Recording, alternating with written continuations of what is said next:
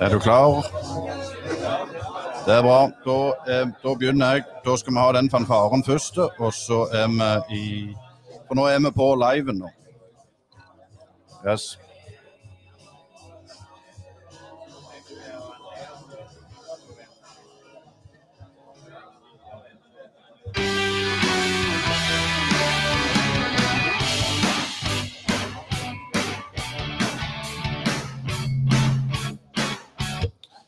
Det var fanfaren for eh, nå er vi live med episode Ja, hvor langt er vi kommet? Asker, du, eh, du skal være med oss, er du ikke der? Jo, jeg håper jo det. Vi er på episode 22, og jeg sitter jo langt unna, så på kveld til hele forsamlingen på bryne. Det er bra. De er vel ikke så taleføre som vi er, men eh, veldig interessant at det er så mange som kommer og hører på oss. Nå er vi live på, på Podbean, Facebook og Twitter, så nå de som sitter i tusen hjem ikke her, nå kan de trege seg, for dette skal bli en fantastisk eh, kveld. og vi har med oss Even, for vi må jo ha analysehjørnet. Men, men sånn, hva tenker du, Asker? Du har jo forberedt deg litt på denne dagen. Er du nervøs? Jeg er det.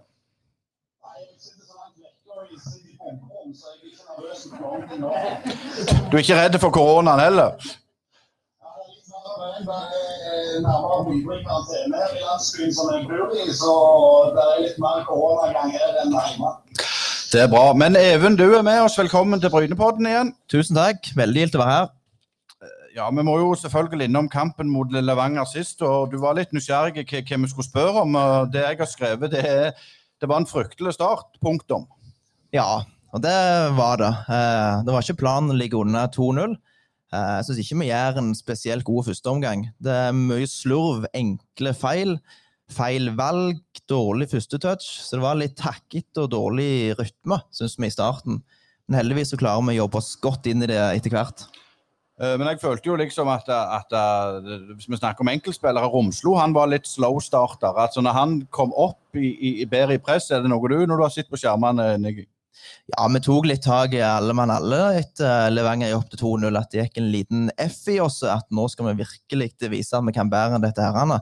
Og da var det godt at vi fikk den reduseringen så tidlig som vi gjorde. Men ja, vi var ikke helt fornøyde, men Levanger de er effektive og skårer på de to sjansene de har. Og Det første er jo et strålende frispark som er vanskelig å gjøre noe med. Og så er vi ikke helt fornøyde med 2-0-mål til Levanger. Der forsvarer vi oss rett og slett for dårlig.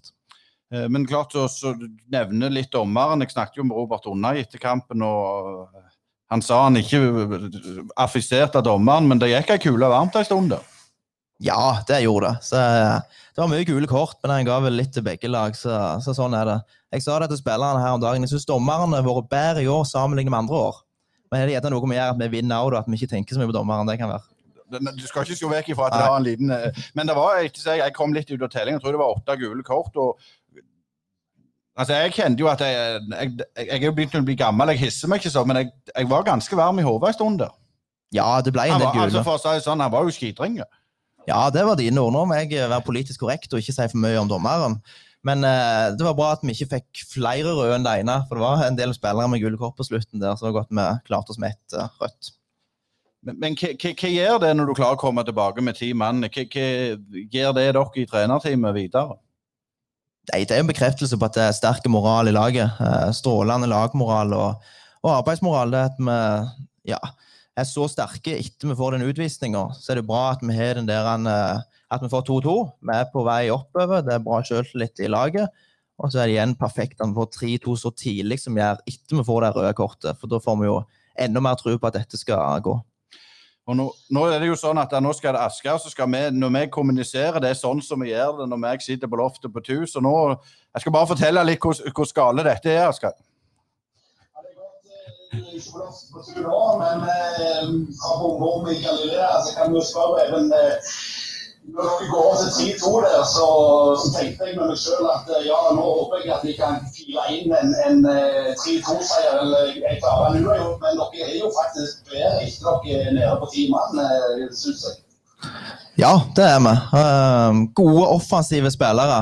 Thierry, Dypevik, Robert, Daniel spesielt er veldig bra i andre omgang.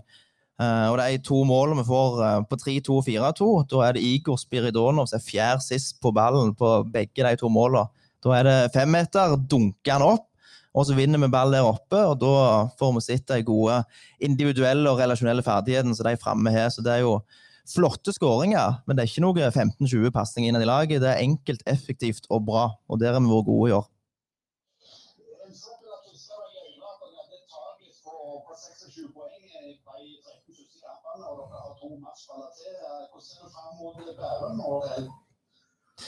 Ja, vi sa jo det tidlig, at vi må ha to i snitt for å være med oppe i toppen.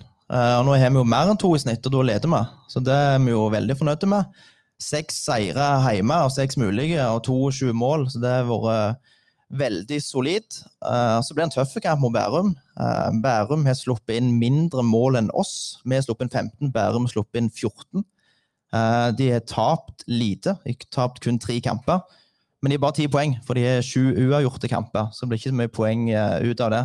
Men det sier litt at det, det er ikke lett å slå dem. De er solide bakover. Så har de noen enkeltspillere framover som må, må være obs på. Det blir en tøff kamp. De fire siste kampene bærer vi spilt når alle endt 1-1, og det er jo litt spesielt.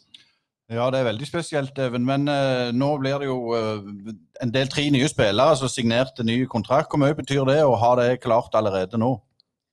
Nei, Det er veldig viktig. Så det å kunne planlegge for de neste åra òg, det er veldig viktig. Og så er det ja, tillitserklæring til klubben. At uh, tre så gode spillere velger å signere en ny kontrakt nå, når vi ikke vet ennå hva divisjonen vi spiller i, i, neste år. Og det var jo interesse for spillerne, og spesielt uh, Dybevik han må jo nevnes. Han har vært veldig bra i år, med seks målgivende og tre mål. og Kunne hatt flere målgivende og flere mål òg. Og det at han velger å signere for to nye år, det, det er veldig gledelig. Det viser at han har tro på det vi holder på med. Helt til slutt, Even, eh, hvordan er skadesituasjonen inn mot kampen mot Bærum? Uh, nå var vel alle mann alle på feltet i dag. Uh, Rogvi Balvinsen og Joakim Holtan var med fram til spill, så det er god framgang. Og så får vi ta en vurdering inn mot lørdagen hvordan det blir med, med de to. For uh, Det at Holtan er 100% klar. Nå jobbet han godt i 45 minutter, men vi så han var ikke helt på maks. Det rykte litt bak i, i låret der, så vi må ta en grundig og god vurdering inn. Og så får vi Daniel, og Daniel var, var veldig bra den andre omgangen han spilte. Vi involvert i alle de tre målene. Han er blitt bedre, bedre og bedre kamp for kamp nå En veldig god spiller. Så hvis ikke Holtan spiller, så er iallfall Daniel klar. Eh, vi skal jo ha, ha, noen kjekke gjester, og nå skal du ned i publikum og, og, og høre på. Noen, har du noen spørsmål sånn som vi skal ta? Masse spørsmål. Jeg, kjenner jeg deg rett, så du har gjort en grundig og god jobb og har like gode spørsmål som deg ville stilt. Det er bra, Even. Takk for at du stilte opp. og Da skal vi få inn, uh, få inn, disse uh, gjestene. Hvis du, Bjørn, på mellombels får inn gjestene, så skal jeg uh, kjøre en, en, fanfare, sånn som vi pleier når vi skifter tema.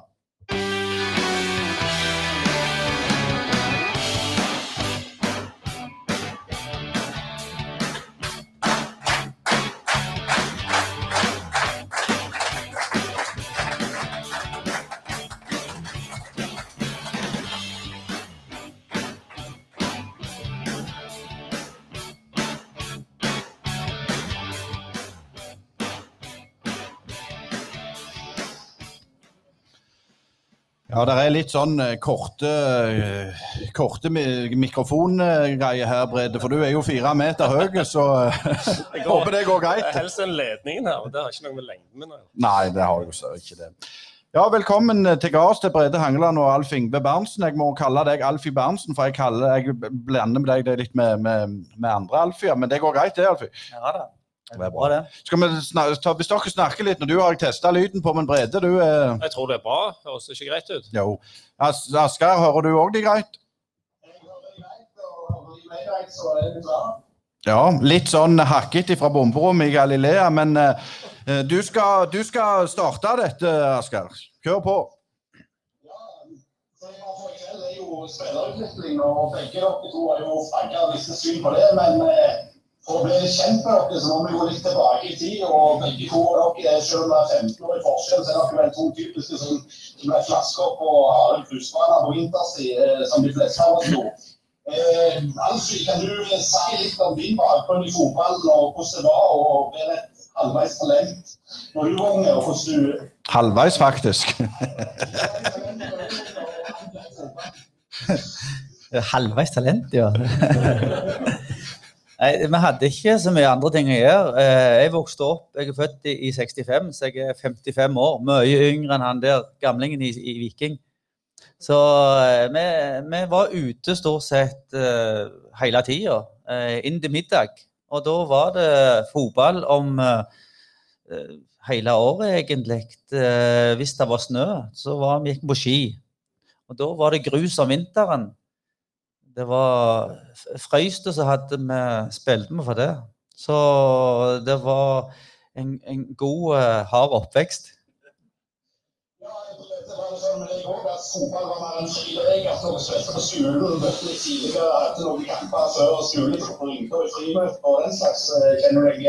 Ja, eh, jeg tror jo jeg spilte fotball eh, ja, Enten var jeg på skolen, eller så gjorde jeg lekser, eller så spiste jeg, eller spilte fotball, eller sov. Det var stort sett det det gikk på. Så det ble enormt mange timer eh, på Lassa, da, der jeg, vokste opp en, en langpasning bak Vidarhuset.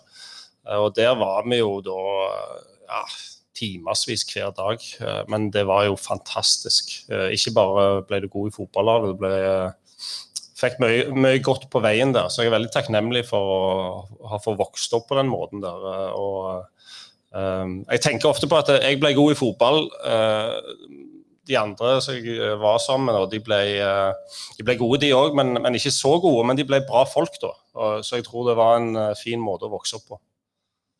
Men eh, begge to er jo inne på noe sentralt i, i fra den tida som, var før dagens eh, situasjon, med at eh, fotball var litt sånn fri lek. eh, var ikke organisert. Vi tok med en ball og så spilte vi. Eh, Hvordan har det endra seg nå? Altså?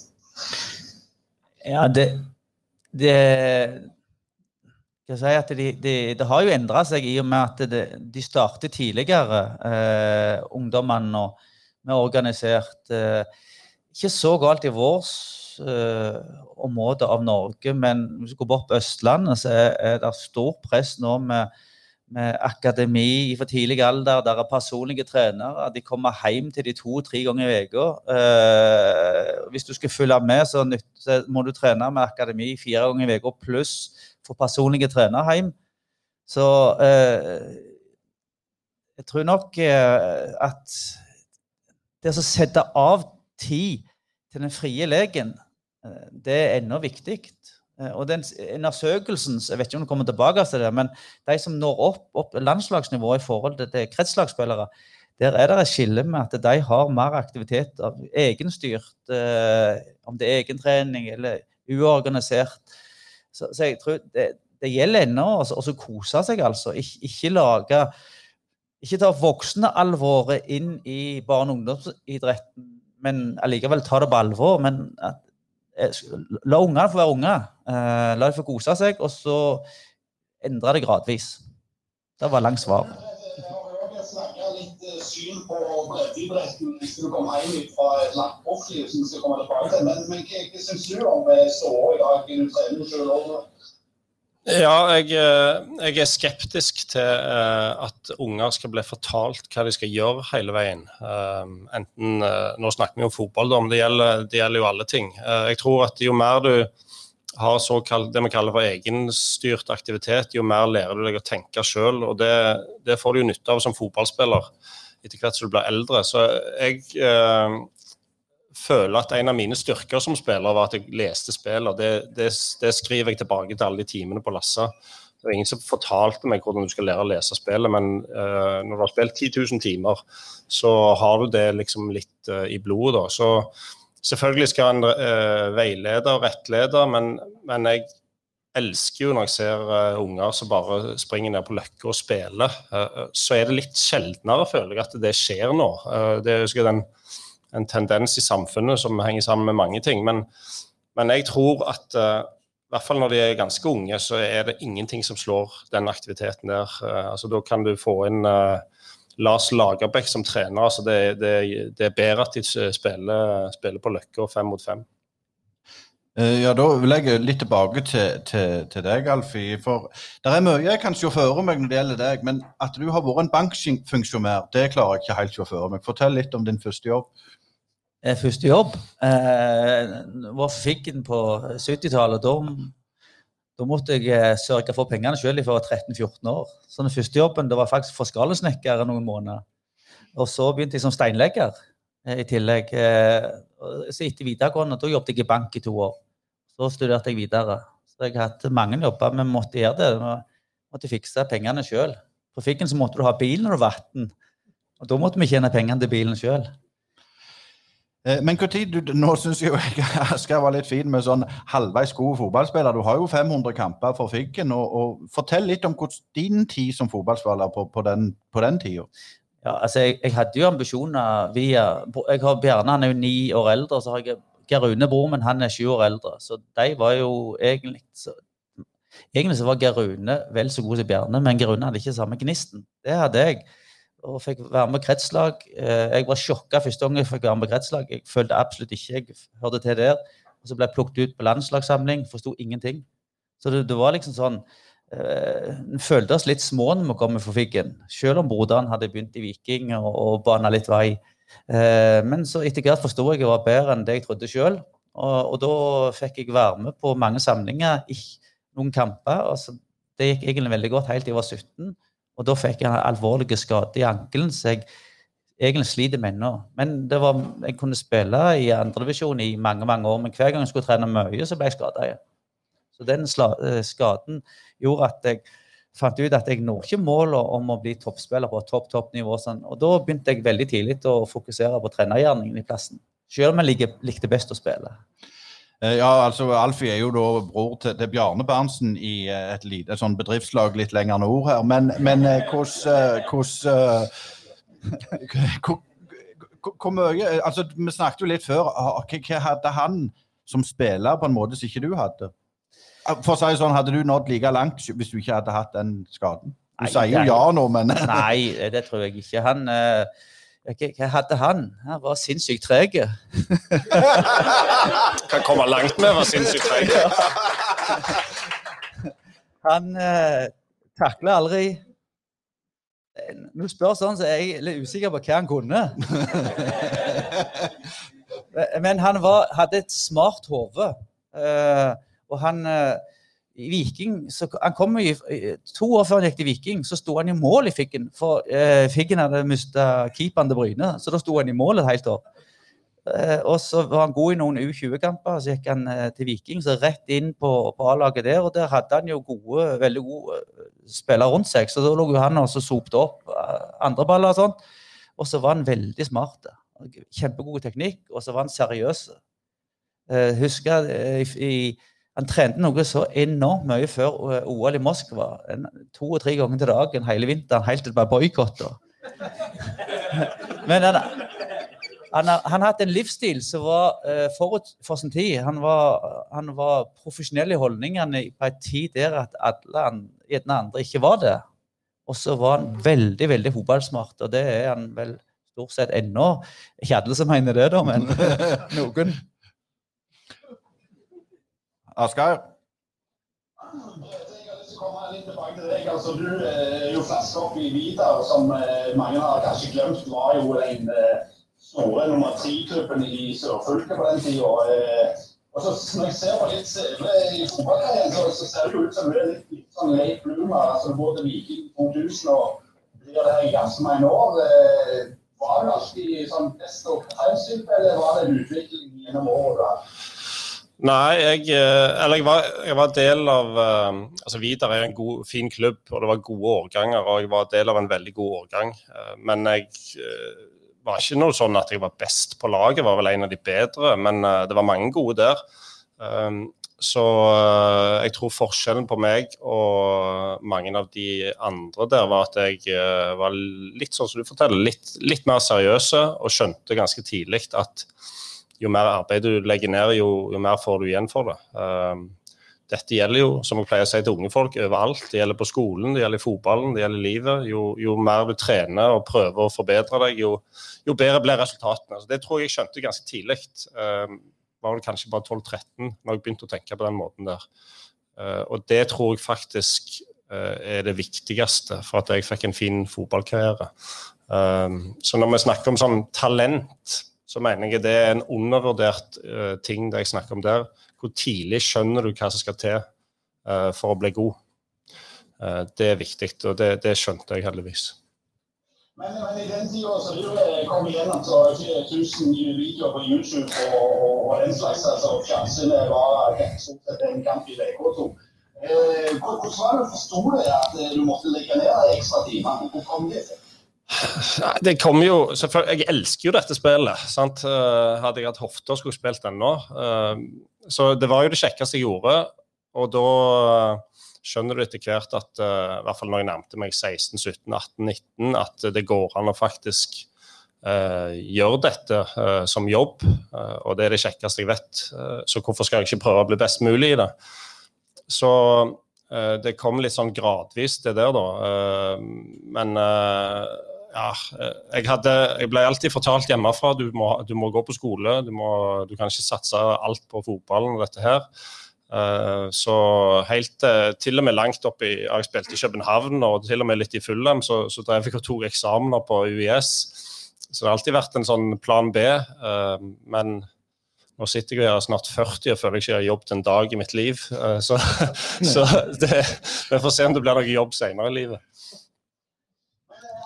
etter hvert ble du knytta opp mot Bryne videregående, som vel var en pioner innenfor fotballfeltet på videregående skole, som også var jo noe i sin tid. Hvordan eh, kom du inn der?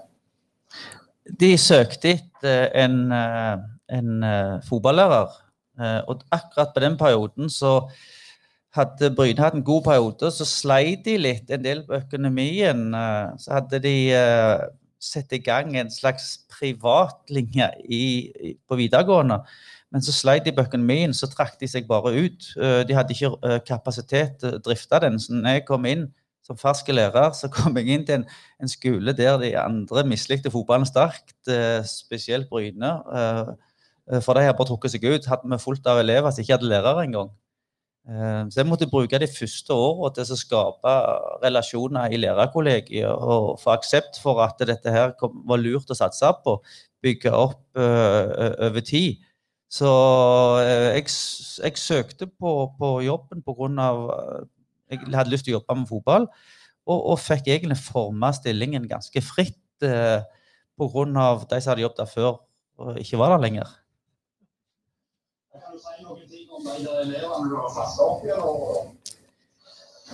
Ikke tenker du på, eh, tenker du på fotballspillere?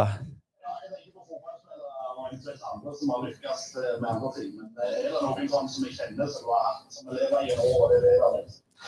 Ja, altså Det er ganske mange eh, jeg har hatt eh, vet ikke jeg, jeg tror det siste opptellingen var 30 stykk vel som har levd av fotballen. og 30-40 jenter spille på landslaget. Eh, alt, alt ifra Ragnvald Soma-tida nå til, til Tord Salte. Altså Ida Nisha, Tommy. Veldig mange gutter, men òg mange jenter. Så, men jeg er ikke så opptatt sjøl om, om, de blir gode i fotball. Jeg er mer opptatt av greier de, greier vi de rusta til å ta del i livet senere. Og vi har folk som har egentlig alle yrker. Eh, alt ifra eh, jobber på gulvet, gjør gode jobber der, til topp eh, administratorer, leger, pilot. Altså Vi har hele spekteret. Så jeg er mer opptatt av at de greier seg videre enn hvor gode eh, noen ble til å treffe en ball. Men jeg forstår jo det. Dere her er interessert i det, så det er mange gode fotballspillere. Du forsto spørsmålet? skal du yes. si. jeg forsto spørsmålet. Før idrettssendetida. Jeg syns det har vært en slags eksplosjon av alle idrettssendinger rundt forbi landet. Nei, Jeg gikk ikke på idrett sjøl, for det var ikke det da. Da var det knapt nok videregående. eh, nei, det var videregående, men, men på min, min, tid så var det sånn halvparten av der jeg vokste opp, de gikk eh, videregående, eh, videregående. Andre halvparten begynte å arbeide etter niende. Så det var da. Så det ble folk av de òg. Eh, eksplosjon av idrettslinjer. Eh, det er veldig bra grunnlag for mange uh, å gå på for å skaffe seg et fotfeste, et solid grunnlag for videre livet. Du får studiekompetanse, kan studere videre. Når det gjelder toppidrett, det, kan det være en god arena for å kombinere det bli toppspiller, men da må du være veldig nøye i planlegginga, sånn det ikke blir for mye. Og Hvis de får til det, god dialog med klubbene, så er idrettslinja en kjempe, kjempegod ting. Men det kan òg være at det blir altfor mye hvis det ikke er god dialog med klubbene. Ja, jeg, eh, jeg gikk på idrettslinja på St. Svithun på videregående. Um, det var jo egentlig bare forskjellen at det var fire år istedenfor tre. Jeg syns det var bra, men det var jo òg litt sånn Jeg lærte en viktig ting der, for det var det jo alle mulige idrettsutøvere. Og eh, jeg tror halvdelen hadde kanskje mer eller mindre gitt opp idrettskarrieren etter første klasse. Uh, så hvis du sier Det er viktig å gjøre som du sier i en idrettskarriere. Hvis du sier at du skal satse på det, så må du gjøre det. Uh, og det kan for mange tror jeg blir litt sånn hvilepute at uh, OK, jeg var halvgod i et eller annet når jeg var 17-18 år, kom inn på idrettslinja, og så, uh, så blir det et ganske behagelig liv, da. Så uh, jeg tror ikke det gjorde noe særlig forskjell for min karriere om jeg gikk der eller om jeg hadde gått på vanlig allmenn. Det, det, tror jeg ikke betydde noe særlig. Det var litt mer tid til å trene, men tid til å, jeg hadde alltid funnet tid til å trene uansett, vil jeg tro.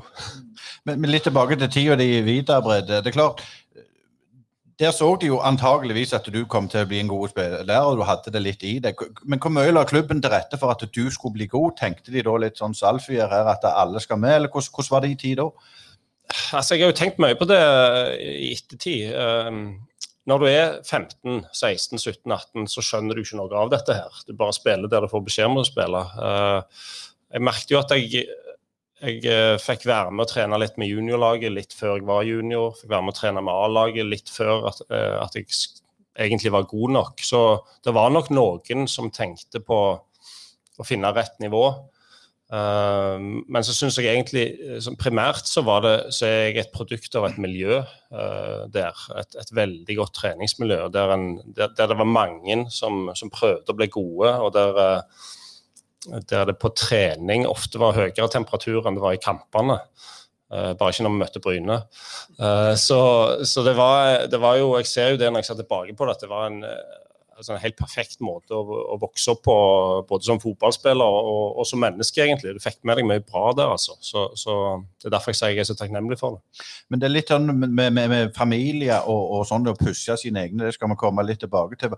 Hvordan opplevde du det? Altså, Du ble god, men det var jo mange som ikke ble god. Men merka du det når du var ungdom, at familien og fedre, og gjerne spesielt, pusha ungene sine?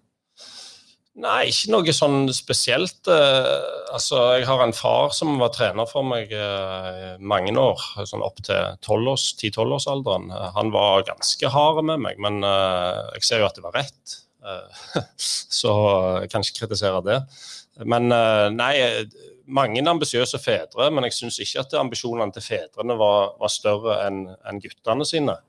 Eh, det er vel der det blir feil. Eh, det er hvis foreldrene sine ambisjoner er høyere enn en ungene, eh, guttene og jentene som faktisk spiller. Så hvis det går hånd i hånd, så, så har jeg veldig tro på at, at de kan pushe litt og, og, og, drive oss videre. Det der med å bli fortalt igjen, Hvis du sier du skal gjøre noe, så må du gjøre det. Og hvis du ikke da gjør det, at noen forteller deg til det, forteller deg det, det syns jeg er en gave. Hvis jeg, sier at, uh, hvis jeg er 18 år og sier jeg skal bli landslagsspiller, og så oppfører jeg meg og trener som om jeg ikke skal bli landslagsspiller, da vil jeg at noen skal fortelle det til meg. Uh, for da kan jeg lære det. Men det er litt det jeg sier, det med, med, med fedre da spesielt. Men er det viktig for din, for din, del at klubben hadde en strategi på dette? Tror du det er viktig i dag for, for unge gutter og jenter? Ja, jeg, jeg, tror jo, eh, jeg, tror jo, på at at en gjennomtenkt strategi fra en klubb hjelper spillerne. Men, men jeg syns jo at uh, en, en, strategi for å utvikle spillere skal gå hånd i hånd med litt av det som du snakker om. Da, at det, eh, det er ingen motsetning mot uh, å lage bra folk, mellom å lage bra folk og lage bra spillere. Altså Du skal prøve å trekke hele denne gruppa så langt opp som mulig. Og så vet vi jo, det er jo, det er jo bare sånn numbers game, vi vet jo at alle kanskje spiller på landslag eller spiller for Bryne eller spiller for Viking. Men jeg tror veldig på at jo lenger vi kan trekke en, en gjeng med spillere, uh, jo bedre vi kan gjøre de, jo bedre for, går det for de uh, på alle mulige arenaer senere i livet. For de lærer masse bra av det der uansett. Ja, jeg kan at du tar vanskelig der. Kan du fortelle litt om det opplegget som Bryne har utvikla i løpet av året, og hva som eventuelt har endret seg i det senere år? For det har skjedd utvikling i fotballen generelt eh, på årene som du har vært involvert du sier litt om det? Tenker du nå med Er du på foreldresida nå, eller?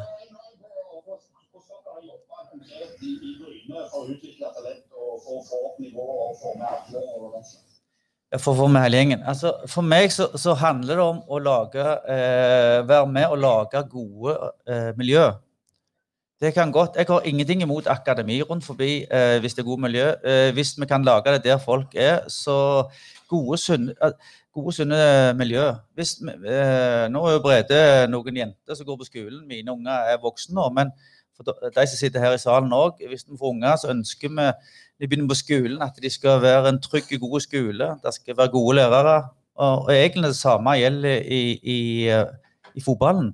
Vi ønsker at ungdommen skal komme en trygg, god plass og få gode, trygge uh, trenere. Og det har vi jobbet, uh, vi jobbet veldig mye med altså, å få, få uh, ta imot dem på en god måte. Ta vare, se alle. ta vare på dem uavhengig av ferdighetsnivå. når de var 15 så også, det var første gang. Da bestemte de sjøl, eh, det året de på 15, på årets første møte, om de, ville, om de skulle være med på bredde eller toppdelen. Da hadde vi 40 stykk, og da valgte 20 stykk å være med på bredden, og 20 stykk ville være med på toppdelen. Det var fire ganger i uka pluss kamp, eller to ganger i uka pluss kamp. Så før det, og jeg òg etterpå, så tok, prøvde vi å ta de på alvor. Altså de, de, de kom, det, det, viktigste på treningene det er at når ungene kommer, så skal, vi, skal de føle at, at, de er viktige, betydningsfulle personer. Uh, at, at, vi som trenere gir de gode tilbakemeldinger hvis det er fornuftig, men òg at vi snakker de ser til dem. Sånn at de, at de, føler de er verdt noe. For fotballen er en, en viktig sosialiseringsarena. Vi kan like det eller ei, men det er en viktig plass. Og, for oss var det veldig veldig viktig å ikke splitte inn i var 13. Eh, da mange gjør dette her. For da, kommer du inn eh, Da går for barnefotballen, der du reiser rundt med softis med bestemor, bestefar, kos, og så plutselig er du 13, og så er det divisjon. Og da er det mange som kutter sånn brått. Det gjorde ikke vi. for det, det, det, skjer akkurat samtidig. Så de begynner på ungdomsskolen, de er mer usikre. Og da prioriterte vi å ha de samla mest mulig. For, for, for, noen så er fotballen da viktigere enn noen gang for, uh, for å få en, en, en, plass, en sosial arena. De har, uh, det er ikke alle arenaene de funker på. Og da er det veldig ugunstig hvis de blir skvist vekk av, av kompisgjengene pga. at de ikke er så gode å, å spille fotball. Så vi prioriterte veldig å holde de samla. Eh, men vi differensierte selvfølgelig. Vi, vi, vi trener ikke likt med alle. men Det kommer vi sikkert kanskje tilbake til vært rundt i litt forskjellige land. Har du, har bedt merke i hvordan det er gjort litt eh, jobber i, i de andre landene, og Danmark og England? Ja, spesielt England fulgte jeg jo godt med på. Jeg var der uh, nesten et tiår. Um, jeg tar en liten historie derfra. Jeg bodde en plass som het uh, Richmond i London. og Der var det en svær park. så jeg, uh, Hvis vi hadde fri på søndagen, så gikk jeg tur der. Da spilte uh, gjerne ja, bitte små gutter, var jo dette da, seks-syv år gamle, og Da gikk det altså rundt sånne talentspeidere fra, fra, de store klubbene i eh, London. da, Kunne være Arsenal, Chelsea, Tottenham. Gikk rundt med Arsenal-treningsdrakt og speida på seksåringene.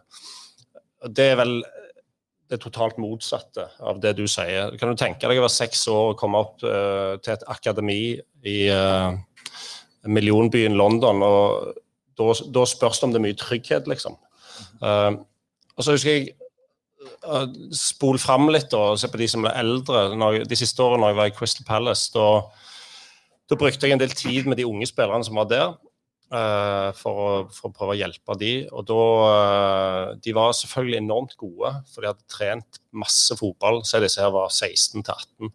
De hadde trent masse fotball, uh, men de hadde jo ikke opplevd noen ting annet i livet, for å sette det litt på spissen. Sant? For de hadde blitt henta inn i et akademi når de var veldig små. Uh, også Mange kommer fra vanskelige bakgrunn. Familien har dette som det store håpet. At uh, gutten min skal bli Premier League-spiller. Uh, og så var de gode, men når du snakket med dem, det kunne jeg selvfølgelig ikke si til dem, så tenkte jeg at du har ikke en sjanse. Du har ikke en sjanse i havet. For du, Med en gang du blir sluppet ut på den arenaen der, så kommer du bare til å falle sammen som et aspeløv. Altså, for du har ikke opplevd noen ting.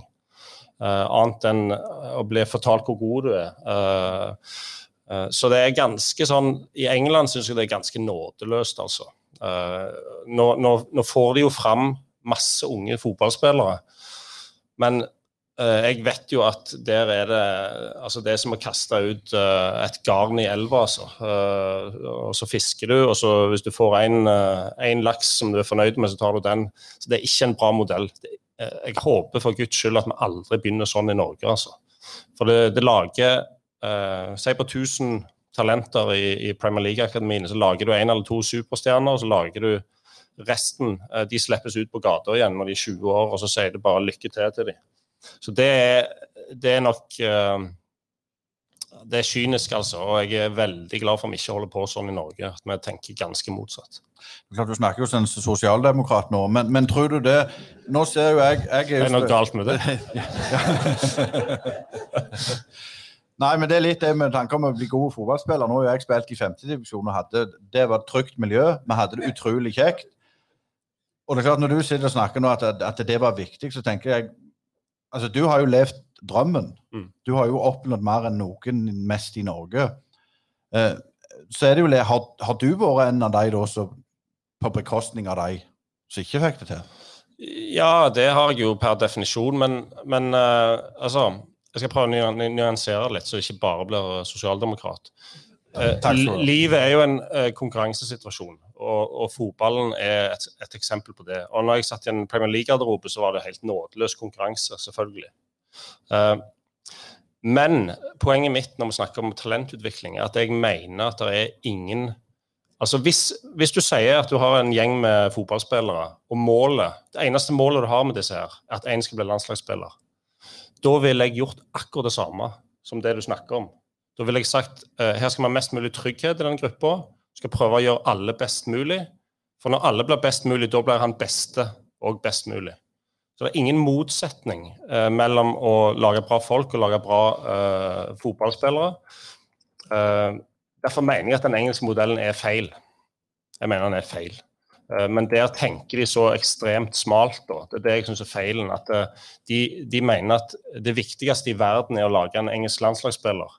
I Norge tenker vi ikke sånn, heldigvis. Eh, men, men, altså, det er nådeløs konkurranse i, i toppfotballen, og, det, og jeg syns det er kult at det er sånn. Men det skal ikke være nådeløs konkurranse når de er 14, liksom. Det skal det ikke være. Ja, altså, jeg har eh, et par spørsmål til deg. Det første er litt videre fra det som Brede snakker om. Altså, du har jo trent opp noen talent. og Hvordan er det med agenter sånn, i Norge? Er de kjapt framme hvis de ser gode 14-15 år? Eh, i Norge så er det ikke folk som begynner å plukke folk, eller ungene de er seks år i parken. Eh, det er det ikke. I Norge så er rekrutteringsarenaen til store klubber eh, landslaget. Enkelt og greit. Så hvis det er en eh, norsk spiller som for første gang kommer inn på Første gang du kan komme på landslag i Norge, er det når du er 15. Det er ikke så lenge til. Nå tok hun ut en, en, en ny, nye tropp for første gang. Det er i 15. Da ser du at det er veldig mange av ser tegner sin første proffkontrakt med klubbene sine for at klubbene skal sikre seg rettigheten. For likevel så blir det plukket opp til utenlandsk akademi med en gang. Så eh, I Norge så er den største rekrutteringsarenaen med agenter sånn, eh, landslaget. Enkelt og greit. Du har ikke, du har ikke sett noen på feltet som har stått og duska i buskene utenfor overbakebanen? jo, jo, jeg har gjort det, men det har ikke vært agenter.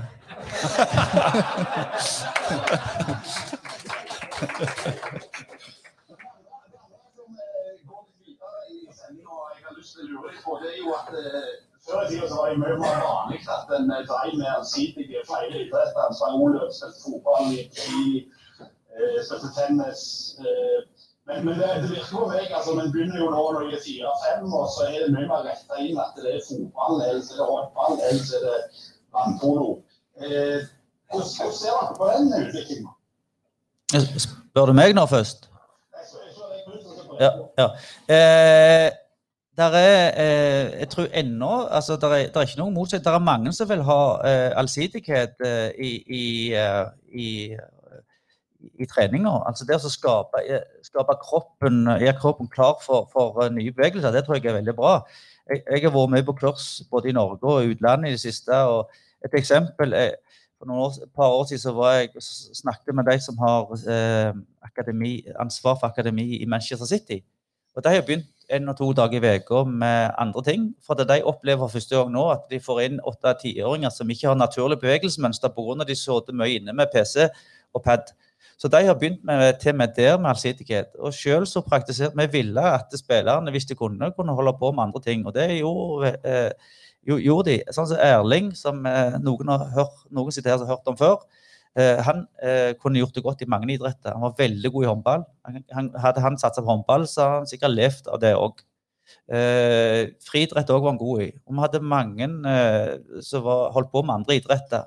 Og da velger de sånn hovedidrettene egentlig når de passerer sånn 12-13-14, men hvis de kan holde på lenger med to, så er det bra. Og det er mer i treningsarbeidet, sånn, for da lager vi treningene varierte. Sånn du trener kroppen. Du ligger, du sitter uh, nede. Du spiller du fotball to mot to, tre mot tre, så er det variert. Hvis du står i kø, så er det ikke variert. Så du, da bygger du opp i for tidlig alder en, en, en slags uh, en beredskap for kroppen til å lære nye bevegelser. Så Da er det viktig hvordan du bygger opp uh, treningene når, de har, når vi har samla, sånn at, de, at, du trener en god stabiliseringsstyrke og, og god koordinasjon i kroppen. Det tror jeg det er ganske mange som gjør. altså. Ja, eh, eh, enig i alt som ble sagt der. Eh, jeg, jeg tror at mye fotball det må du ha, men det er ikke noe galt med å holde på med andre idretter. Eh, altså hvis du, skulle, hvis du skulle prøve å designe en fotballspiller, så tror jeg at det skal være mye turn faktisk, inn i barndommen. Jeg husker jeg tenkte på det når jeg spilte i England. Skulle ønske jeg drev med turn eller karate eller noe sånt før, fra fem til ti år. For at, det er så uendelig mange ting du kan forbedre som fotballspiller, og mye av det handler om fysikk, selvfølgelig. Så det der, eh, Når du ser de, de beste spillerne i verden, uh, så, så, er det uh, det er så høyt nivå at det som ofte skiller, er jo det siste lille på fysikken. Enten det er fart eller styrke eller koordinasjon. Eller, ja, se, se, på, se, på, Messi, se på Ronaldo, se på Erling. Eh, når han kjørte den 93-meter-sprinten der her om, om dagen det er jo Der hadde du slitt? Der hadde jeg slitt enormt, men jeg har bommen, da. Jeg kunne satt ut armen. Så Det hadde nok blitt et problem.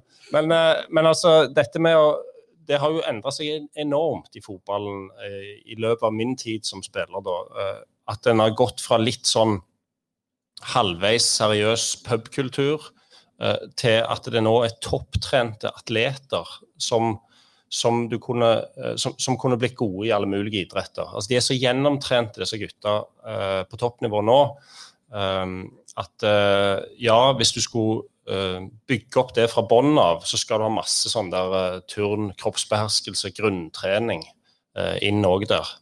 Det er jo ikke dermed sagt at en skal sende gutten eller jenta på, på, sånne ting, men, men variasjon det er bra, tror jeg, tidlig. Jeg har litt spørsmål med tanke på når du var toppspiller. Jeg skal ikke spørre deg, Alfie, for dette går på sosiale medier. Når du vokste opp, så hadde dere vel gjerne ikke fjernsyn engang? Ja, det er radio. Ja, men, men, men, jeg tenkte på det når dere, når du var i, i, i England og, og, og, og proff og på landslaget, ble dere lært opp i hvordan dere skulle takle det å være på sosiale medier? Du er jo i TV 2 nå. altså du, du, du, eksponerer deg jo. Du kommer jo med jo alle Liverpool-supportere her nå. Sant? så der, der, Du snakker jo mye negativt om deg. Og, syns du det? Ja, jeg syns det. det. Men, men, litt sånn, får du mange tilbakemeldinger på Twitter? og sånn, Gjorde du det når du spilte òg? Eh, jeg var helt bevisst ikke på sosiale medier når jeg spilte. Begynte med, begynte med Twitter og, og, disse tingene når jeg begynte i TV 2, for der må vi det.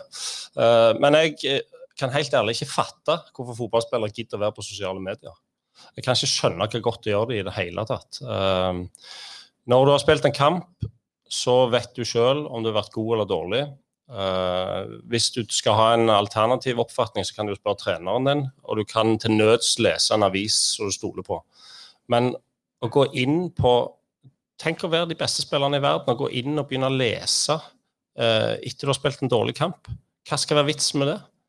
Eh, så det holdt jeg meg langt vekke fra. Men jeg vet jo at, at det er en stor del av uh, treninga for yngre spillere nå er jo hva, hvordan håndtere sosiale medier og, og hvordan uh, promotere deg selv og bygge din egen karriere osv. Jeg mener at det er en feilslutning at du trenger å holde på med det. Uh, jeg syns klubbene kunne ta seg av det, og så kan spillerne konsentrere seg om å spille fotball. Men tenker litt også, Sånn som nå med TV 2, har du opplevd sånn hets? Ikke sånn fleip og sånn, men rett og slett hets? Har du det? Ja, det er jo alltid noen kommentarer. Altså, uansett hva du sier i det studioet der, så er det jo noen som er uenige, for det kommer an på hva lag de holder med. Uh, men, men, det er jo godhjerta for det meste. Og så har jeg levd et uh, langt liv der en blir uh, kritisert og vurdert hele veien, så jeg er ganske, jeg er ganske tjukk hud på de tingene der. Um, så, så, det lever jeg helt fint med. Men jeg er 39 år. Hvis du er 18 år og har blitt skutt ut på stjernehimmelen, og så skårer et selvmål i en viktig kamp, hva skal det med Twitter da? Det forstår jeg ikke. Forstår du det, Asgeir? Nei, jeg så glad for at Jon Arne ikke var på, på, på Twitter når han hadde den mot Chelsea-kampen. Men eh, det som jeg tenkte på, altså, det var litt videre altså med talentarbeid. Bryne har jo vært en klubb som har drevet bra, flasket opp mange spillere som Mario seg. Snakket med Marius Lode i siste uke på podkasten. Eh, men allikevel så har ikke klubben helt klart å reise seg for, for den, eh, det året der faktisk trente de ned. Eh, takk. Men grunnen til det er dere gjør det bra for talent, og så må ikke klubben allikevel ta steg og gå tilbake med det som habil. Nå datt jeg av når du begynte å trakassere broderen. Etter jeg husker, så vant han året før med cupen. Ja. Gjør at klubben ikke har klart å reise seg opp fra Askå igjen eh, og komme tilbake til det som habilt tippeliga? Ja, det, det, er jo det, er litt for mye å svare på her, da, men de har jo vært i, en, i, i slutten på 90-tallet og begynnelsen på 2000, så var de oppe i tre år. Eh, og, og, og, før de rykket ned igjen, så, så flere år da, så var de på topp Obos, og Bryne er en liten plass som har uh, hatt en enormt god kultur for å trene mange. Uh, så det at det vil variere litt, det er vel helt naturlig. Men samtidig så har vi produsert mange av de mest altså, Den mest spennende spilleren i Europamester for tida, på tross av, av at, at det har A-laget har slitt en periode og klubben har slitt. Så, så, at det går an eh, å, å, å, skape godt utviklingsarbeid. Jeg synes at Det er veldig mange Eh, flinke trenere i klubben. Erling han var jo med, først med 2000-modellene, så ble han flyttet opp til oss på 99. og når han var ferdig der, så var det opp til Erling i midtsiden på junior. Masse gode folk rundt eh, voksne, stabile folk. Og så gjorde de gode klubbvalg videre. Så det er fullt mulig å, å, skape gode spillere òg. Eh, så, så, så, klubben uh, kan få bruk for. Og nå er det flere lokale spillere på laget, og, forhåpentligvis vil det komme enda flere i året fram igjen. Det, det drives eh, godt på mange nivå med solide folk. Så må vi ta steget litt ut av Bryne og Rogaland og, og, tenke litt på landslaget vårt. Eh, det begynner å bli noen år siden landslaget har vært i, i og Brede kommer inn rett etter siste EM i, i 2000.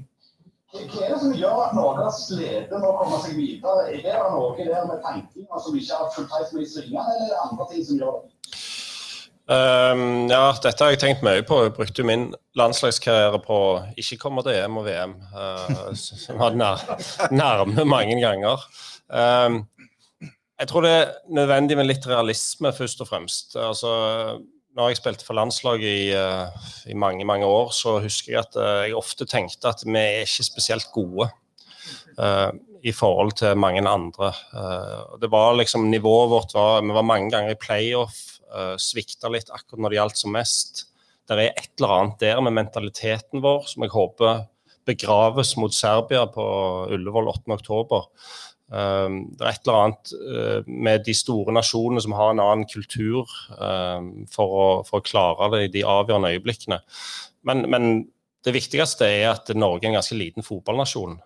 Og det der finnes jo sånne uh, ligarankinger osv. Så der du kan se på de forskjellige landslagene hvor spillerne spiller i Europa. Så kan du regne ut hvor gode de er. Og der er Norge ganske langt nede, har vært. Men, men, det er jo tegn til at vi er på vei opp, da. Uh, altså nå har vi har vi det Erling holder på med. Vi har en ti, i tierrollen i Real Madrid, og vi fikk Sørloth til Leipzig. Og, sant? Det ser jo det ser lovende ut. Men hvis du ser på alle de andre nasjonene, og til og med nasjoner som vi ser på som ganske små, så har de òg noen superstjerner. Så det er liksom ikke lett å komme seg inn. Men jeg er sterk i troen på at denne høsten skal det skje, altså. Er det noe i, i eh, Jeg fulgte jo med i EM i U21-EM i 2013, eh, da Norge kom til semifinale, som vanligvis er et tegn på at Norge er på gang. Eh, og de, de, den der er jo Da er vel noen igjen på landslaget, men ikke mange av de. Eh, andre som var med i den turneringen, det var jo Morata og, og den ikke ukjente Tiago eksempel, som ble turneringens beste spiller. Mens Norge ikke har klart å videreutvikle det videre. Er det noe med den måten Norge har jobba på som gjør at det stopper, eller tror du det er andre faktorer? Og det at det ikke lenger er i Champions League, f.eks., med norske lag? Det, det, er jo det, det er så enorm forskjell fra U21-nivået til A-landslagsnivået. Og eh, jeg syns det gjøres enormt mye bra arbeid på, på landslagsnivå, aldersbestemte landslag nå, spesielt i senere år. Der er vi jo gode. Men det, det vanskeligste steget er jo det siste.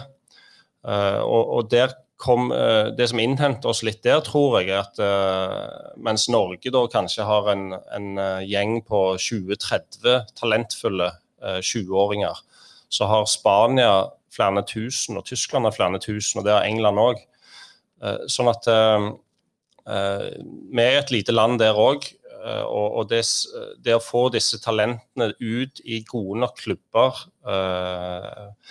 og at de spiller i de klubbene, sånn at de kan ta det siste steget, det, det er det som er vanskelig. da. Og, så blir det en utfordring når vår hjemlige liga er så mye dårligere enn toppnivået i Europa. Eh, da blir det vanskelig for mange av disse spillerne. Hva, hva, skal jeg gjøre? Kan jeg spille for Bryne eller Viking, eller må jeg til, må jeg til et annet land? Også så så vi òg alltid, når jeg drar deg litt, som, som jobber med deg altså, U20-VM i fjor så taper Norge 2-0 for New Zealand. Et land som er jo omtrent på størrelse med vårt eget. Eh, ikke har de store fotballtradisjonene, kanskje. Og da etterpå lurte jeg litt på hvilke årsak det var. for Normalt sett kan du bare feile vekk på at det er dårlig kamp. Men så gikk jeg inn og så på den planen som New Zealand utvikla i 2012. Det som er kanskje interessant å si, det er at vi har lagt opp et løp der som går både på administrasjon av klubber, dommerutvikling, trenerutvikling. Eh, samtidig som vi har spillerutvikling. Eh, men så har vi òg to parallelle løp. der Et går på community, altså fellesskapet, og et går på talent. Eh, er det andre veier til Roma enn det som vi har på med i Norge til nå? Ja, det høres ikke så veldig ulikt ut, det vi gjør i Norge. da. Det er forskjellige eh, grupper som jobber seriøst. Eh, og I forhold til landslag, det du nettopp snakket om, så Jeg gikk på skole i Oslo i 91 til 94, akkurat når glansperioden begynte for landslaget. Det skjedde samtidig som Rosenborg begynte å bli gode i, i Champions League. Eh, og da fikk du plutselig de beste norske spillerne var i de beste engelske klubbene og tyske. Werder Bremen og Manchester United, Blackburn som var gode, og Liverpool. Eh, og, og, og, den glansperioden når landslaget var så godt, da hadde vi eh, sånn som Brede var inne på, eh, landslagsspillere bare på kategori 1-klubber. Alle spillerne, og til og med innbytterne. Så begynte du plutselig å møte spillere eh, begynte andre land å, få enda bedre spillere. Det ble verre for norske spillere å komme inn på disse beste lagene. Og, og, nå ser det ut som at den trenden har snudd. At får, du, må få de beste spillerne inn i de beste ligaene på de gode lagene. Da kan du begynne å ta steget videre. Og det ser ut til å kunne skje nå med mange gode spillere. Men det har vært eh, mange år der Brede har vært en av de få som på en måte har prestert på høyt nivå. Hadde Karev og sånt noe som var kjempegod. Men de nest beste var ikke så gode som de var før. Så du, du må få de beste spillerne inn i de beste ligaene. Da kan det skje noe. Og jeg tror det vil komme mer av det fra norske systemet enn i New Zealand. Det tror jeg.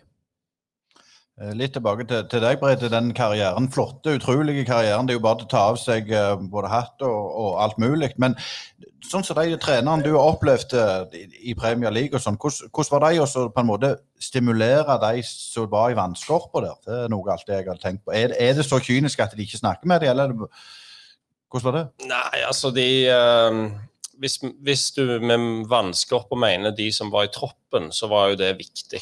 Eh, på, på, det øverste nivået så er det jo ofte kvaliteten på nummer 12, 13 og 14 som kanskje avgjør kampene. Jeg husker når vi spilte mot de store lagene, så klarte vi oss ganske bra, men så, så kunne de bytte en Cristiano Ronaldo, og vi kunne bytte en Bjørn Helge Riise, liksom, uten forkleinelse for han. Eh, så, så, så, ble jo det et problem. Eh, men eh, det det er, kynisk i forhold Altså, Trenerne bestemmer seg for hvilke spillere det er det som kommer til å hjelpe meg å vinne denne kampen på lørdag. Og det er jo da 20 mann, liksom. 15 mann, kanskje. Eh, så, så, er det jo forskjellig fra trener til trener hvor mye de tror på, på unge spillere. En av de beste trenerne jeg hadde, Roy Hodgson, han tror ikke på unge spillere. Han sier at uh, erfaring og rutine og det har vært ute i krigen før, det er det som vinner kamper på dette nivået. Uh, og det kan du argumentere godt for. Uh, så det, det, er jo en business der alt dreier seg om én en eneste ting. Det er å maksimere sjansen for å vinne på lørdag. Og det, det gjelder jo både laguttak, det gjelder jo i Altså hvis du er skada, så, så, må du spise disse tablettene, for vi må vinne på lørdag. Så, så, det, det, er så kort perspektiv, altså? Ja. Eh, trenerne altså Dette går jo fortere og fortere. Trenerne får jo fort sparken hvis de taper fire kamper på rad. Så, så, hele verden dreier seg bare om OK, kampen er ferdig. Hva kan vi gjøre fram til neste kamp for å være best mulig rusta til å vinne den? Og sånn, sånn, blir jo egentlig lært opp til å tenke som spiller òg. Uh, og, og, altså Det ble jo ei boble, dette her, uh, som, uh, som, var utrolig spennende å være med på, men, men det er jo nådeløst òg. jeg ville ikke jeg ville ikke levd sånn i hverdagen, altså. For du, du, ser bare den kampen der og ingenting annet.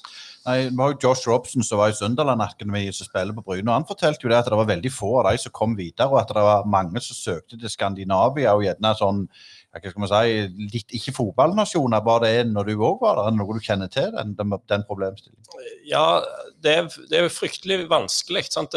Premier League består av 500 eh, spillere som spiller litt Premier League. Uh, som, har, som, har, en posisjon i klubbene sine. Og så er, det, så er det jo et tre nedover, da, og enormt mange som vil komme inn der.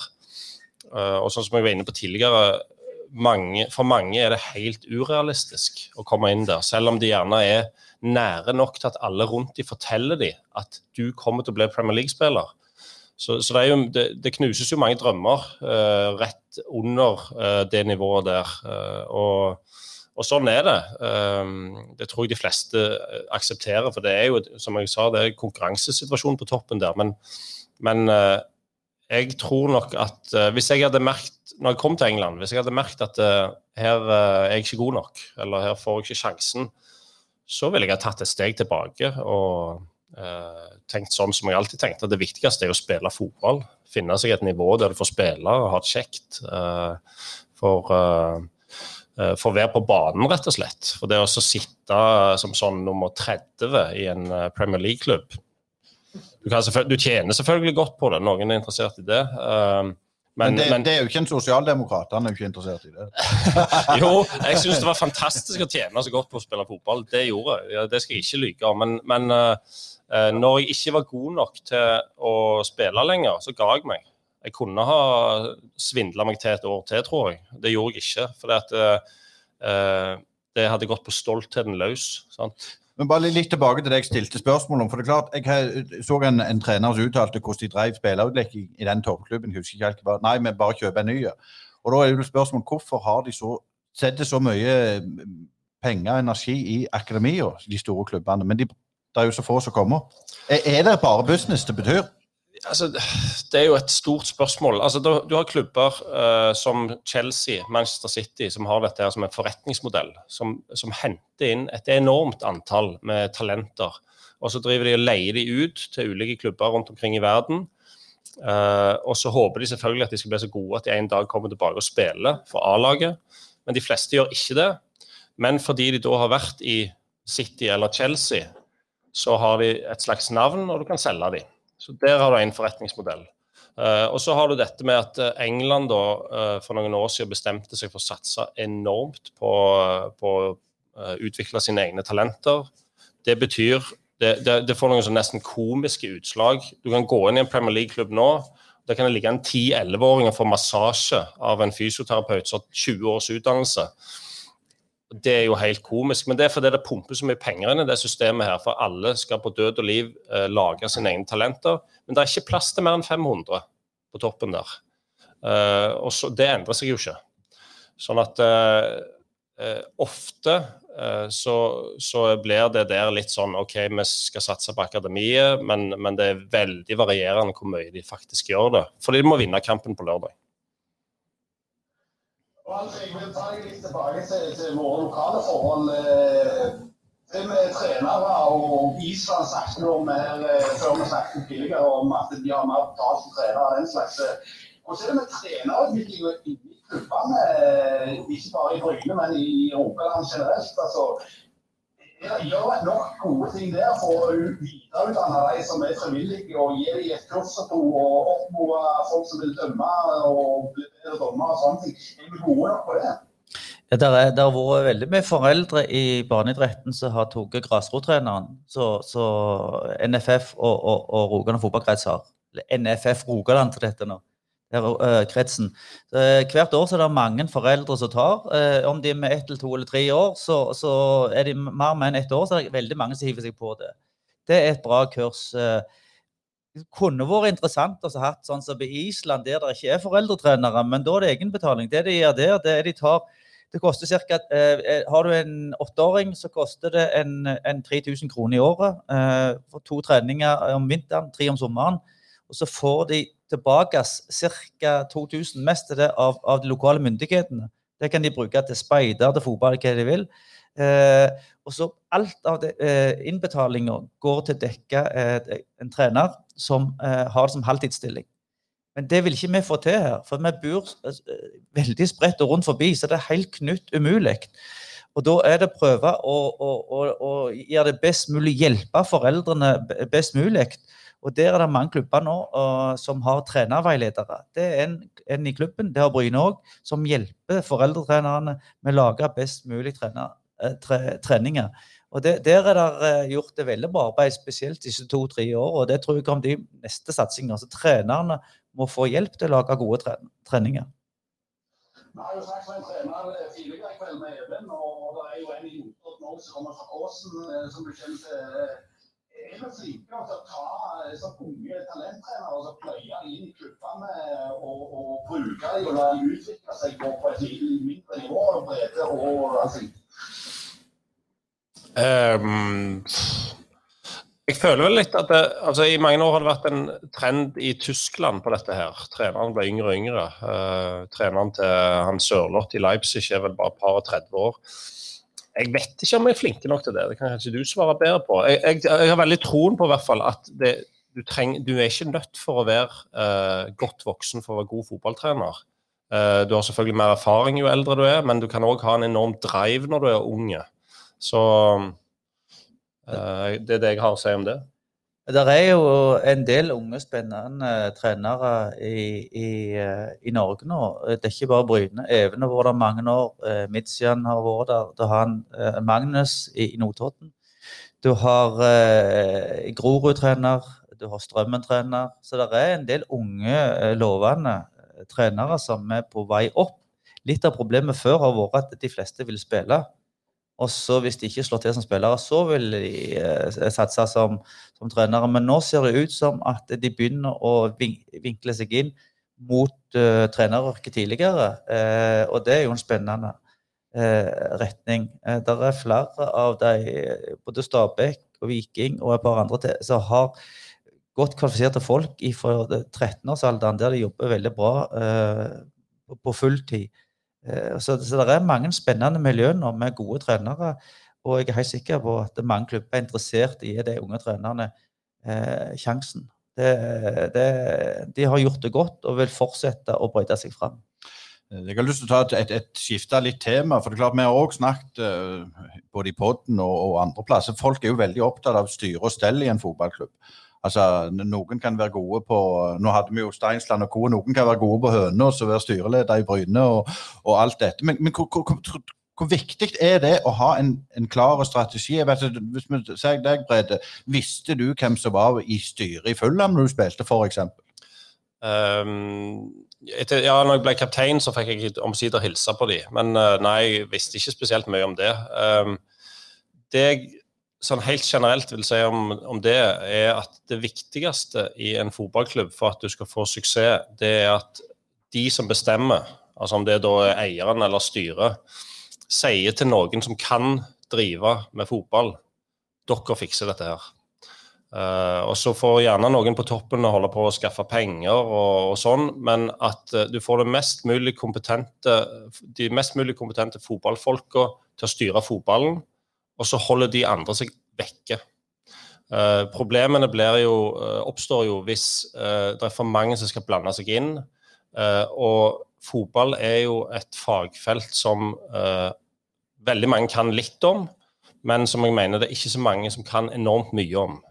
Så det er litt sånn skomaker blir ved den lest, altså, syns jeg, i fotballen. Og, og, sånn var det i England òg. Når jeg snakket med trenerne, hva, liksom spurte en manager hva er det som er viktig for deg. Jo, at eieren støtter meg, eh, og for øvrig holder seg vekke. Ikke blander seg inn. Alfie, du eh, var jo òg en, en, en, liten periode Du har jo vært trener i, i, i både Klepp og Frøyland og var litt innom Bryne. Eh, du har jo sett en del trenere i Bryne, for du, er, du, er jo, du har jo hjertet i Bryne. og, og vi snakker om kynisme. Hvis du ikke er god nok, så, så er det out, liksom. Men, men det er det pillemenn på trenersida i norsk fotball òg. Ja, altså der eh, Nå har det vel ikke vært det verste året i, år, men eh, nå har jo trenerne begynt å rulle rundt forbi. Eh, nå er vel Obosen som står for tur, med trenere som har skiftet.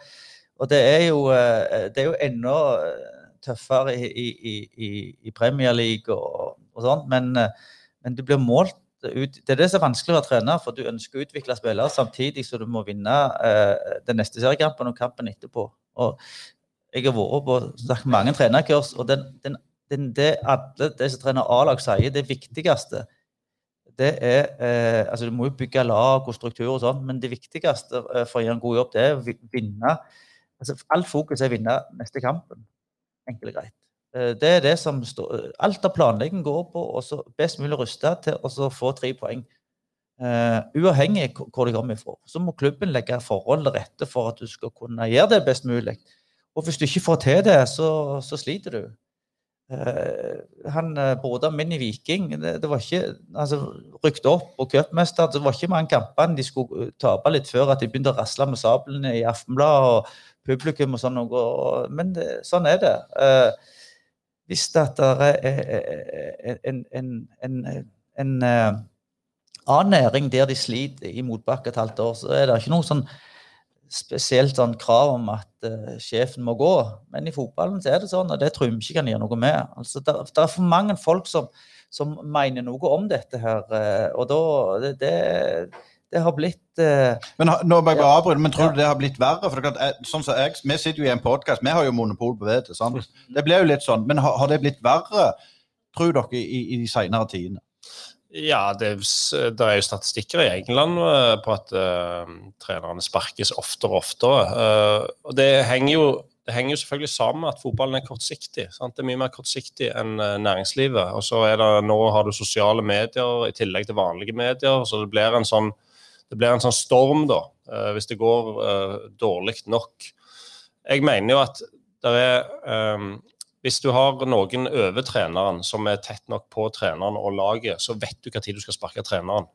Og det, det skjer akkurat når uh, vinden snur i garderoben, og, uh, og, flertallet av spillerne ikke, ikke respekterer treneren lenger. Uh, da er det helt logisk rett å sparke treneren, for det at du kan ikke bytte ut alle spillerne, men du kan bytte ut treneren. Så uh, treneren sin oppgave er jo ja, prøve å vinne kampene, men òg drive på en måte som gjør at folk tror på han i garderoben. Men mister du det, da er det ikke noen vei tilbake. Uh, og så syns jeg òg at trenere sparkes stort sett for tidlig. Eh, jeg er ikke sikker på om klubbene vet status i garderoben eh, når de tar det valget, og jeg tror at de ofte påvirkes for mye av omgivelsene. eh, og hva som står i aviser osv., og, så videre, og ikke er nøye nok med vurderingen av hva er forholdet mellom treneren og garderoben her. Hva gjør de på treninga? Driver de på bra? Tror vi på dette her? Eh, men jeg skjønner at det blir sånn, og det kommer jo bare til å fortsette å bli- verre og verre, dette her. Eh, for, for det er vanskelig å, å stå i det òg for klubbledelsen, sant? når det begynner å gå litt dårlig og den der stormen begynner. Ja, jeg tenker litt, Hvis du går litt over til Skjævelandsbruna i Sandnes så klart Steffen Landro har jo henta mye spillere. og Det har han gjort i Nesotra òg. Altså, Tom Nordli får jo òg mye skrøyt for at han får opp, men han òg legger jo igjen jeg holdt på å si ruiner, det kan stå for min regning. men er det, det er liksom det det med den fotballedelsen, da. Er, er det for amatører som styrer norske fotballklubber, og, og, og i Europa generelt, tror du? Det skal ikke jeg sitte og si. Det er utrolig mange kompetente, flinke folk i fotballen. Men det er selvfølgelig noen som ikke er flinke òg. Og så er trenere ulike òg. jeg har hatt trenere som er, som er utrolig slitsomme. eh, som, som brenner ut spillerne. Sant? Det er så nådeløst at du, blir, du orker ikke til slutt. Så, så det, det skjer jo med noen typer trenere. Så har du andre typer trenere som driver med som driver en sånn langsiktig utvikling. Altså, på tre, altså, Du var Liverpool-fan. Se på Klopp, liksom hvordan han holder på. Spillerne elsker han jo. Sant? De hadde gått rett i krigen for han. Uh, og det er jo fordi at han tenker på en annen måte, da. Han, han gjør, tar de med på en reise. Så det kommer jo kommer veldig an på hva treneren er, uh, hvem treneren er. Uh, og så, så er det ymse i, i, klubbene rundt forbi. Jeg skal ikke sitte og si noe om de lokale klubbene, jeg føler de er veldrevne, men ute i den store verden så, så er det jo en eller annen som kjøper klubben, da. og så behandler det som en frimerkesamling. Og da gjør du hva du vil. Sånn er det. Mm. Alfie, du er jo ganske god oversikt over lokalfotballen og trente jo Frøyland osv. Men vi har blitt litt for seriøst på det nivået fra, fra nivået fire nedover òg. Altså, ikke lenger bare de lokale guttene som vokste opp på, på plassen på Ganddal, som er kommet fra, fra, fra Lassa eller, eller fra Fiken som spiller på laget. men folk trekkes fra andre plasser, og en mister på en måte den fellesskapsfølelsen som kanskje hadde tidligere. Er det noe vi må ta tak i på den sida, syns du? Ja, kanskje, men akkurat nå så er ikke det spesielt reell, reelle problemstilling. For nå de som er under andredivisjon, får ikke lov å spille. Så det er et stort savn i mange, eh, mange lokalmiljø. Altså det, fotballen er sterkt savna både på den, de som driver det, og de som drifter klubbene. Det er ofte et lim i en plass. Så eh, jeg vet ikke helt hvilke klubber det sånn som jeg tenker på, men, men uh, ut ifra det, det som jeg kjenner best sjøl, så er det ennå viktige, vikt, uh, viktige klubber for, for de lokalplassene, altså. Men, men, det som skjer de siste åra, siden meg og deg vokste opp, det er at du, du, du fôrte med, med fotball to, tre, fire ganger hver dag, da, hvis det ikke går under. Så, så, så du, du, har mye mer konkurranse. Før så gikk du så på ditt lokale A-lag, og så fikk du kanskje se Europacup en gang hver 14. dag. Men nå, nå, kan, nå er det så enormt mye velge i, så, så, jeg tror det, det, det er størsteparten av årsaken. Vi må jo selvfølgelig innom deres karriere. men begynner med deg, Alf. Hva, hva er høydepunktet som spiller? Høydepunktet som spiller, jeg sier det. Eh, hva det kan være? Det må ha Det var vel egentlig hver gang vi slo Ålgård. eh, og så Nei, det var noen effekt. Det var også å spille med så mange eh, Halve slekta spilte på Figgen da vi rykket opp i andredivisjon. Å få landskamper, det var stort for meg. Eh, så som spiller så var det Jeg tror faktisk det var eh, opprykk med Figgen og landskamper Så var høydepunktet mitt. Når det gjelder, når det gjelder deg, Brede, så skal vi Jeg har tog, gjort en liten jobb for deg, så jeg vil tippe, tippe de, dine høydepunkt. Du har jo et, et, et det er sånn at Vi må bare si det ganske fort. for I 2001 så fikk du et cupgull, men det var jo ikke så Det var jo bare sånn det ble. det. Jeg husker det godt. Ja, Men, men du òg var med og slo ut Chelsea i Uefa-cupen, stemmer ikke det? Jo. Med Viking. Ja. Um, Det var jo litt utrolig at dere klarte det. Ja, eh, det var jo da eh, Faktisk for ikke så lenge siden så skulle meg og Erik Nevland kommentere den kampen. Det var komisk. og Det var første gang jeg hadde sett kampen etterpå. og Da skjønte jeg jo at vi hadde griseflaks. Jeg ble fullstendig rundspilt på Stamford Bridge. Tapte bare 2-1, og så vant vi på et eller annet merkverdig vis 4-2 da på Stavanger stadion. Eh, men det var jo selvfølgelig enormt. Når du er i øyeblikket, så føler du liksom sånn Yes, her var vi gode, dette fortjente vi. Eh, men, men jeg så den kampen etterpå, så det var jo tidenes ran. Eh, Men òg som spiller på klubbnivå så kom du jo til en Europaligafinale i 2010. Stemmer det. altså Når du snakker om Klopp og reisen, det må jo være virkelig en reise. Ja, det var en helt utrolig opplevelse. Det var sikkert den beste sesongen jeg har vært med på. Men det endte jo med liksom en nedtur, da. Altså, vi var to minutter fra ekstraomganger mot Atletico Madrid. Og jeg var en centimeter fra å blokkere det skuddet som, eh, som var seiersmålet for de. Men fram til det så var det helt utrolig. Eh, Da var det litt sånn eh, Vi var en, en sånn en kompisgjeng liksom, som slo ut noen lag som, eh, som ikke burde kunne slå ut. Så det var, det var et fint år, altså. Eh, Jeg kommer aldri til å glemme når vi slo Juventus 4-1 eh, på Craven Cottage. Det var, det var stort. Men, men de, gjennom de årene, hva, er den verste motspilleren du har spilt mot? Jeg, jeg pleier å si to, altså. Det, jeg klarer ikke å bestemme meg for enten Drogba eller uh, Suárez. Uh, Ja, eh, da, det velger jeg for. Ja, ja, ja, men du kan godt velge han. Altså, han jeg husker ikke helt hva år det var, men han hadde et år der han var helt utrolig. Der han bare dribla seg gjennom alt mulig. Altså, Hvis du ikke hadde backfireren inne på fem meters avstand til hverandre, så var du sjanseløse. Så um, mange gode spillere. Ja, de to er vel kanskje de vanskeligste uh, jeg kommer på. Jeg må også innom den landslagskarrieren. Alfie sin landslagskarriere ble ikke så, så veldig lang, men du var der, og det er det viktigste. Men, men du Brede, når du ser tilbake på det, hva, hva var de mest eh, oppturene der? Det var jo da enkeltkamper. eh, Vinne mot eh, Vi slo vel Portugal i en kvalik. Vi slo Tyskland på bortebane. Jeg har spilt mot Brasil og Argentina. Sant? Sånne ting er jo store, men det mangler jo det der altså Høydepunktet ville jo vært et mesterskap. Så, så det er det egentlig for så vidt det eneste jeg føler jeg mangler i min fotballkarriere. Uh, men det får du ikke gjort noe med. Uh, jeg synes det var utro, altså først og fremst utrolig stort å spille på landslaget. Det synes, selv om jeg spilte mange ganger, så var det det var høydepunkt, altså. Og så var det litt sånn deilig å komme hjem og treffe guttene når vi var ute i den store verden. Så eh, ja, hadde jeg fått et EM eller VM, så skulle jeg vært topp fornøyd med alt. Men du var jo landslagskaptein. Hva rolle har en kaptein på et landslag? Ja, Du var jo det på klubblag òg, men, men eh, hvordan er rollen på landslag? Jeg syns at kapteinsrollen kanskje er, var nok kanskje viktigere før i tida. Um, når jeg var kaptein, så hadde jeg selvsagt en forventning om at alle visste hva de skulle gjøre. uh, og, uh, både før kamp og under kamp og etter kamp. Så det ble jo ikke Jeg pleide å si jeg er ikke en fagforeningsleder her, uh, eller en sånn en heiagjeng for dere andre. Men du, du må jo prøve å ta, ta så mye ansvar som du kan, selvfølgelig. Prøve å gå foran med et godt eksempel. Men eh, ja, hovedforskjellen på å være kaptein og ikke kaptein på et landslag eller på, på, en, på et stort klubblag, det er at du får hilse på dommeren og være med på myntkastet rett før kampen begynner. Men får du mynten? Nei, jeg får ikke det heller. Så det er ikke så mye. Ikke får du mer betalt heller. Men, men du nevnte det at du har ikke vært på landslaget med, en, med, med et mesterskap. eh, Men har du, lyst, har du en trener i magen, du òg? Jeg er veldig usikker. Uh, altså, Vi snakket litt, litt om det tidligere. Jeg baserer jo min erfaring på, eh, på mange år i England og hadde mange trenere. Og med hånda på hjertet, jeg er usikker på om noen av de hadde det bra. Eh, for det er så vanvittig press hele veien. eh, og fra alle kanter.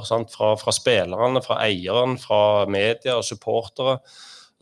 Så for meg er det viktig å ha det bra, da. Det høres jo litt sånn banalt ut, men jeg vet ikke om det der treneren på toppnivå om det egentlig er så kult som, som det mange tror. Eh, det, er- det er ganske nådeløs eh, tilværelse. Nådeløs tilværelse der, Asker. Hvordan er det, hvordan er det med deg, skulle jeg til å si?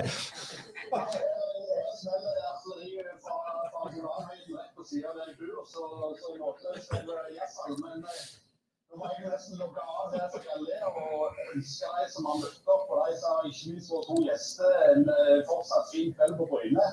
Og hjertelig takk for at alle kom, og dette har vært gildt. Og det er synd jeg ikke får være der med dere. Ja, så får vi bare um, avslutte her. Vi skal ha en seanse med, med, med litt spørsmål fra salen. Men eh, det var en ære for oss å få besøk av Brede Hangeland og Alf Inge Berntsen. Tusen, tusen takk for at dere stilte opp. Takk.